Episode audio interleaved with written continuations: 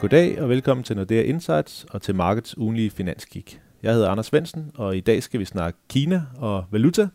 Så jeg inviteret Andreas Steno Larsen, der er valutastrateg. Hej Andreas. Hej Anders. Det har været en lidt øh, stille uge på nøgletalsfronten, og næste uge bliver ikke meget bedre. Øh, men der er selvfølgelig en kæmpe begivenhed i Kina, som vi skal snakke om lidt senere. Men ellers så havde jeg tænkt, at vi skulle snakke øh, valutamarkedet i dag. Og øh, vi kunne måske starte med, med dollaren, som igen svækkes efter nogle gode uger. Kan du prøve at sætte nogle ord på, hvad det egentlig er for en, øh, en kamp, der er i gang mellem de store valutaer?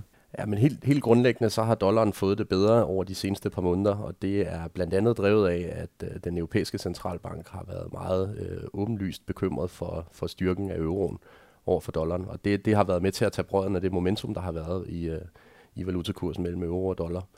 Øh, når det er sagt, så øh, er der måske ikke plads til så øh, stor dollarstigning herfra ind mod nytår. Øh, vi forventer, at dollaren øh, fortsat vil, vil holde fodfæstet mod, mod danske kroner, men øh, begrænset stigningspotentiale tilbage. Øh, vi, har, vi har set de fleste af de effekter, vi havde forventet for fjerde kvartal, øh, og, og det, det lå i vores forventninger, at dollaren skulle, øh, skulle finde fodfæstet igen mod, mod danske kroner, men der er nok ikke øh, voldsomt meget tilbage af den bevægelse. Er det ikke også lidt tidligt for, for ECB at begynde at være bekymret for, for en for stærk euro?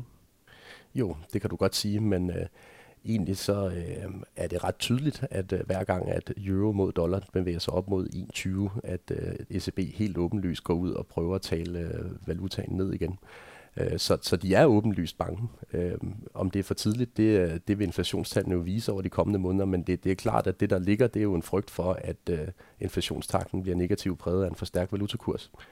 Og øh, hvis man sammenholder med for eksempel 2015, så har de i hvert fald løftet deres, deres, ligesom deres tolerance for, for, hvor stærk euroen må være.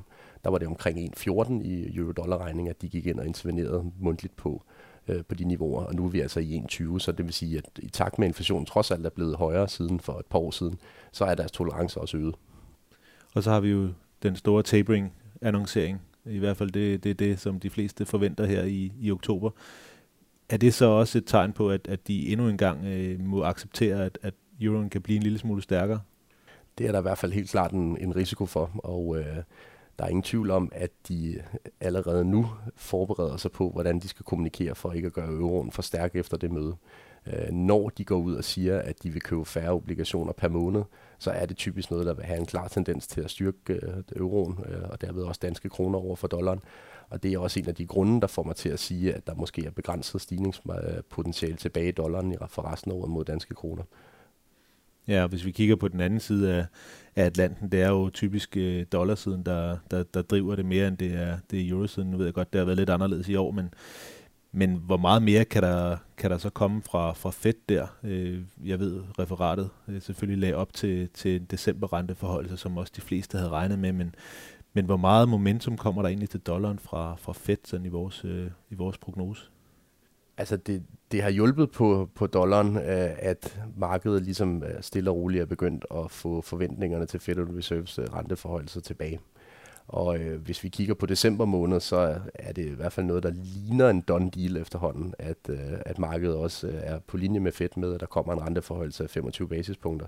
Men stadigvæk, når vi kigger for næste år, 2018, så ligger der kun omkring halvanden renteforhold af 25 basispunkter indlejet i øh, markedsforventninger det er stadigvæk noget under, hvad Federal Reserve selv siger, øh, og også hvad vi forventer. Så på den, på den led er der stadigvæk et stykke vej fra øh, Federal Reserves egne forventninger ned til markedet. Alligevel så øh, er jeg ikke øh, egentlig så bekymret for, at det giver en markant stærkere dollar, øh, at, øh, at markedet eventuelt vil blive taget på sengen af, af Federal Reserve øh, i forhold til renteforhold. Så vi har faktisk set i indværende år, hvordan at det er øh, på samme tid øh, har været sådan, at øh, den europæiske centralbank har printet 60 milliarder euro per måned, samtidig med at den amerikanske centralbank har sat renten op og også annonceret, at de vil begynde at bringe deres obligationsbeholdning ned. Og over den samme periode har vi alligevel set dollaren blive svækket. Så det er egentlig de udsigter, der ligger endnu længere ude, som driver valutamarkederne mere end lige om der kommer øh, en eller to eller tre renteforhold på den korte bane. Så, så slut i år og, og slut næste år, hvor, hvor ligger vi henne på, øh, på, på dollar danske? Sådan i hele træskolængder? Jeg vil, jeg vil sige sådan, at der er, en, der er en risiko for, at vi skal helt op og teste 6,50-niveauet i dollar dansk inden nytår, øh, omkring det niveau. Og så øh, er det vores forventning, at den trend, vi har set i, i indværende år, den øh, på et eller andet tidspunkt i løbet af 2018 vender tilbage, og så skal dollar danske ned og handle under 6 kroner. Okay. Og hvis vi øh, kigger rundt øh, på valutamarkedet ellers, så er det jo øh, også pundet, der, øh, der har fået lidt, øh, lidt op- og nedture, øh, især på den, på den politiske front. Hvad, hvad, hvad tror du egentlig, øh, vi kommer til at se her, herfra på pundet? Ja, det har været meget, meget tydelig øh, lemmingadfærd, der har præget pundhandlen over de seneste måneder. Øh, vi så senest bare i går, hvordan pundet tog en ordentlig rutsjebanetur inden for halvanden times penge. Øh, først var Michel Barnier ude og holde tale i EU's chefforhandler i, øh, i Brexit-processen og sige, at det lignede, at der var opstået et dødvande omkring øh, første fase af forhandlingerne, som er den her regning, som skal øh, bestemmes for, øh, for udtrædelsesbetingelserne.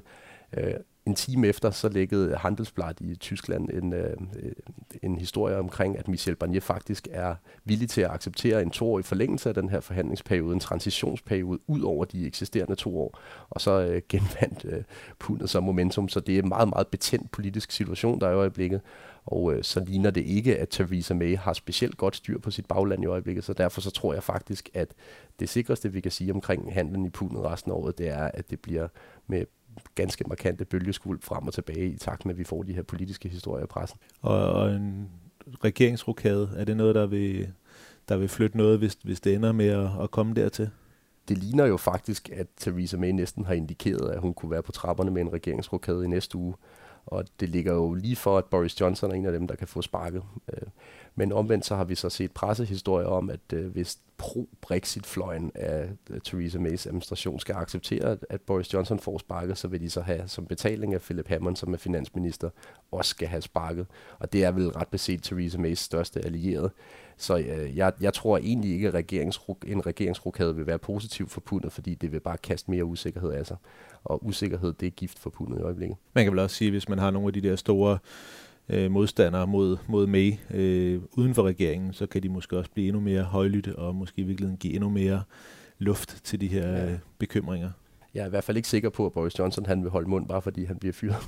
Nej.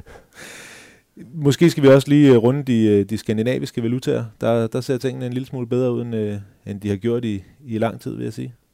Ja, ja det, altså den svenske krone og den norske krone har fået det lidt bedre over for, for den danske krone, i hvert fald hvis man kigger øh, over de seneste 3-6 måneder.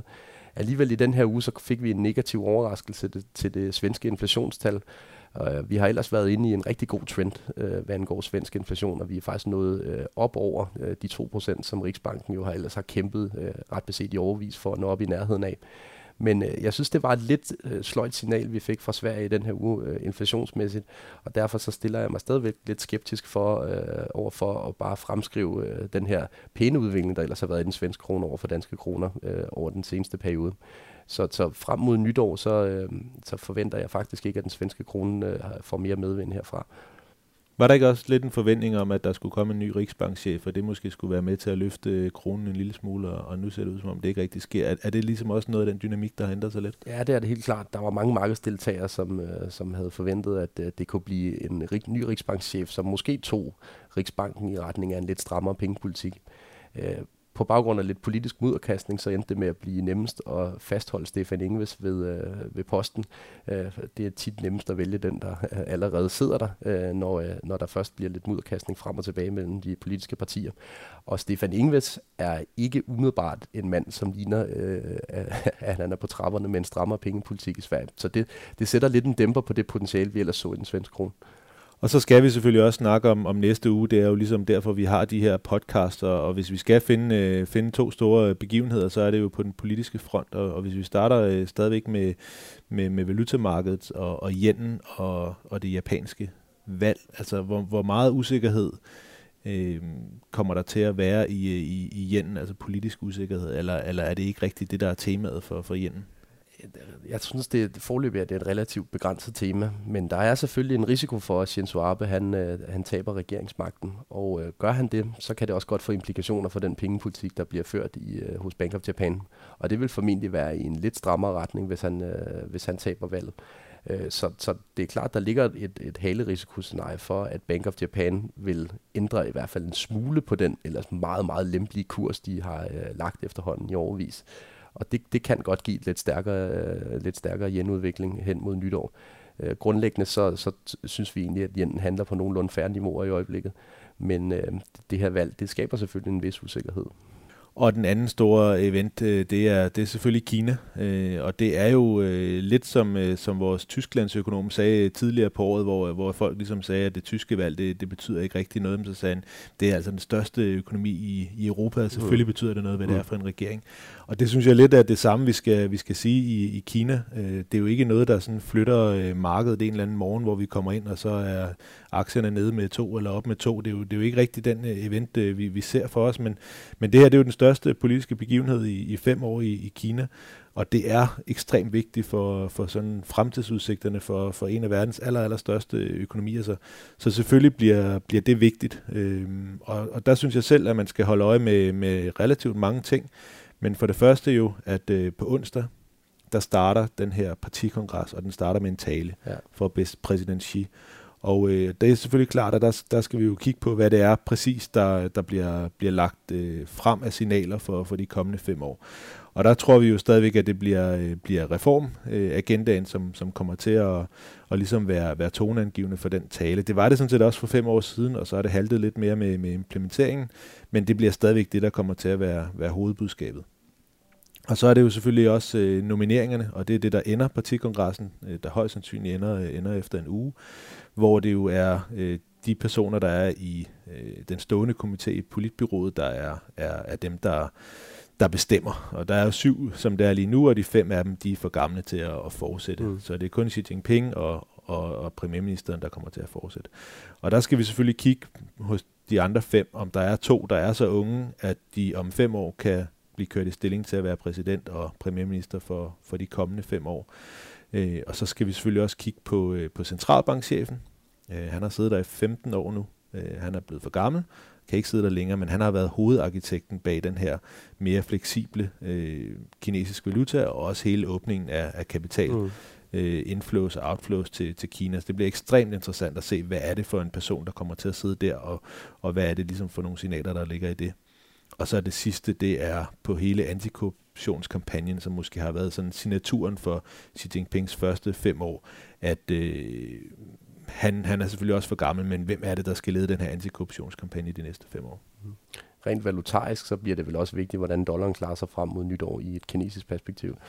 Helt sikkert. Øh, Kina har jo lært, at det var en rigtig dårlig idé at have et, øh, et pæk øh, til, til dollaren, fordi når dollaren så bliver styrket markant, som, som den gjorde for, for et par år siden, jamen så bliver den kinesiske valuta for stærk for alle de andre ja. samhandelspartnere, Kina har. Så nu, nu fokuserer man på en, en handelsvægtet øh, renminbi i, i stedet for. Og det gør jo så, at hvis, hvis dollaren generelt bliver styrket over for alle Kinas samhandelspartnere, jamen så lader Kina sin valuta blive svækket over for dollaren, for ligesom ja. at balancere den handelsvægtede valutakurs. Så det, det bliver ekstremt øh, vigtigt. Og jeg tror sagtens, at vi kan, vi kan se nogle reaktioner, øh, hvis det er, at at Xi Jinping virkelig signalerer, at nu er de ikke længere så fokuseret på væksten, som de har været. Ja. Det vi har set de sidste fem år, er jo, at, at selvfølgelig ville de gerne reformer, men hver eneste gang væksten er gået bare en lille bitte smule ned, så har det været rygkrål på alle reformer, og så er de fokuseret ene og alene på at holde væksten høj. Øh, hvis de ændrer på det, så vil det selvfølgelig være positivt på mellemlagt sigt, men til gengæld så skal markederne så også acceptere lidt lavere vækst i, fra Kina på den korte bane. Ja. Jeg tror, det var mere eller mindre det, vi havde til jer i den her uge. Tak fordi I lyttede med, og på genhør i næste uge. Og jeg kan anbefale, at I går ind på vores øh, analyseportal, som hedder emarketsnordea.com, altså e-markets.nordea.com, og finder øh, en analyse af, hvad der kommer til at ske i parti, på partikongressen, øh, i hvert fald som vi ser det, og også en optagelse af vores webinar om partikongressen fra, fra sidste uge, og så ligger der selvfølgelig alle Andreas' øh, skriv omkring de her store valuta-temaer. Så på genhør.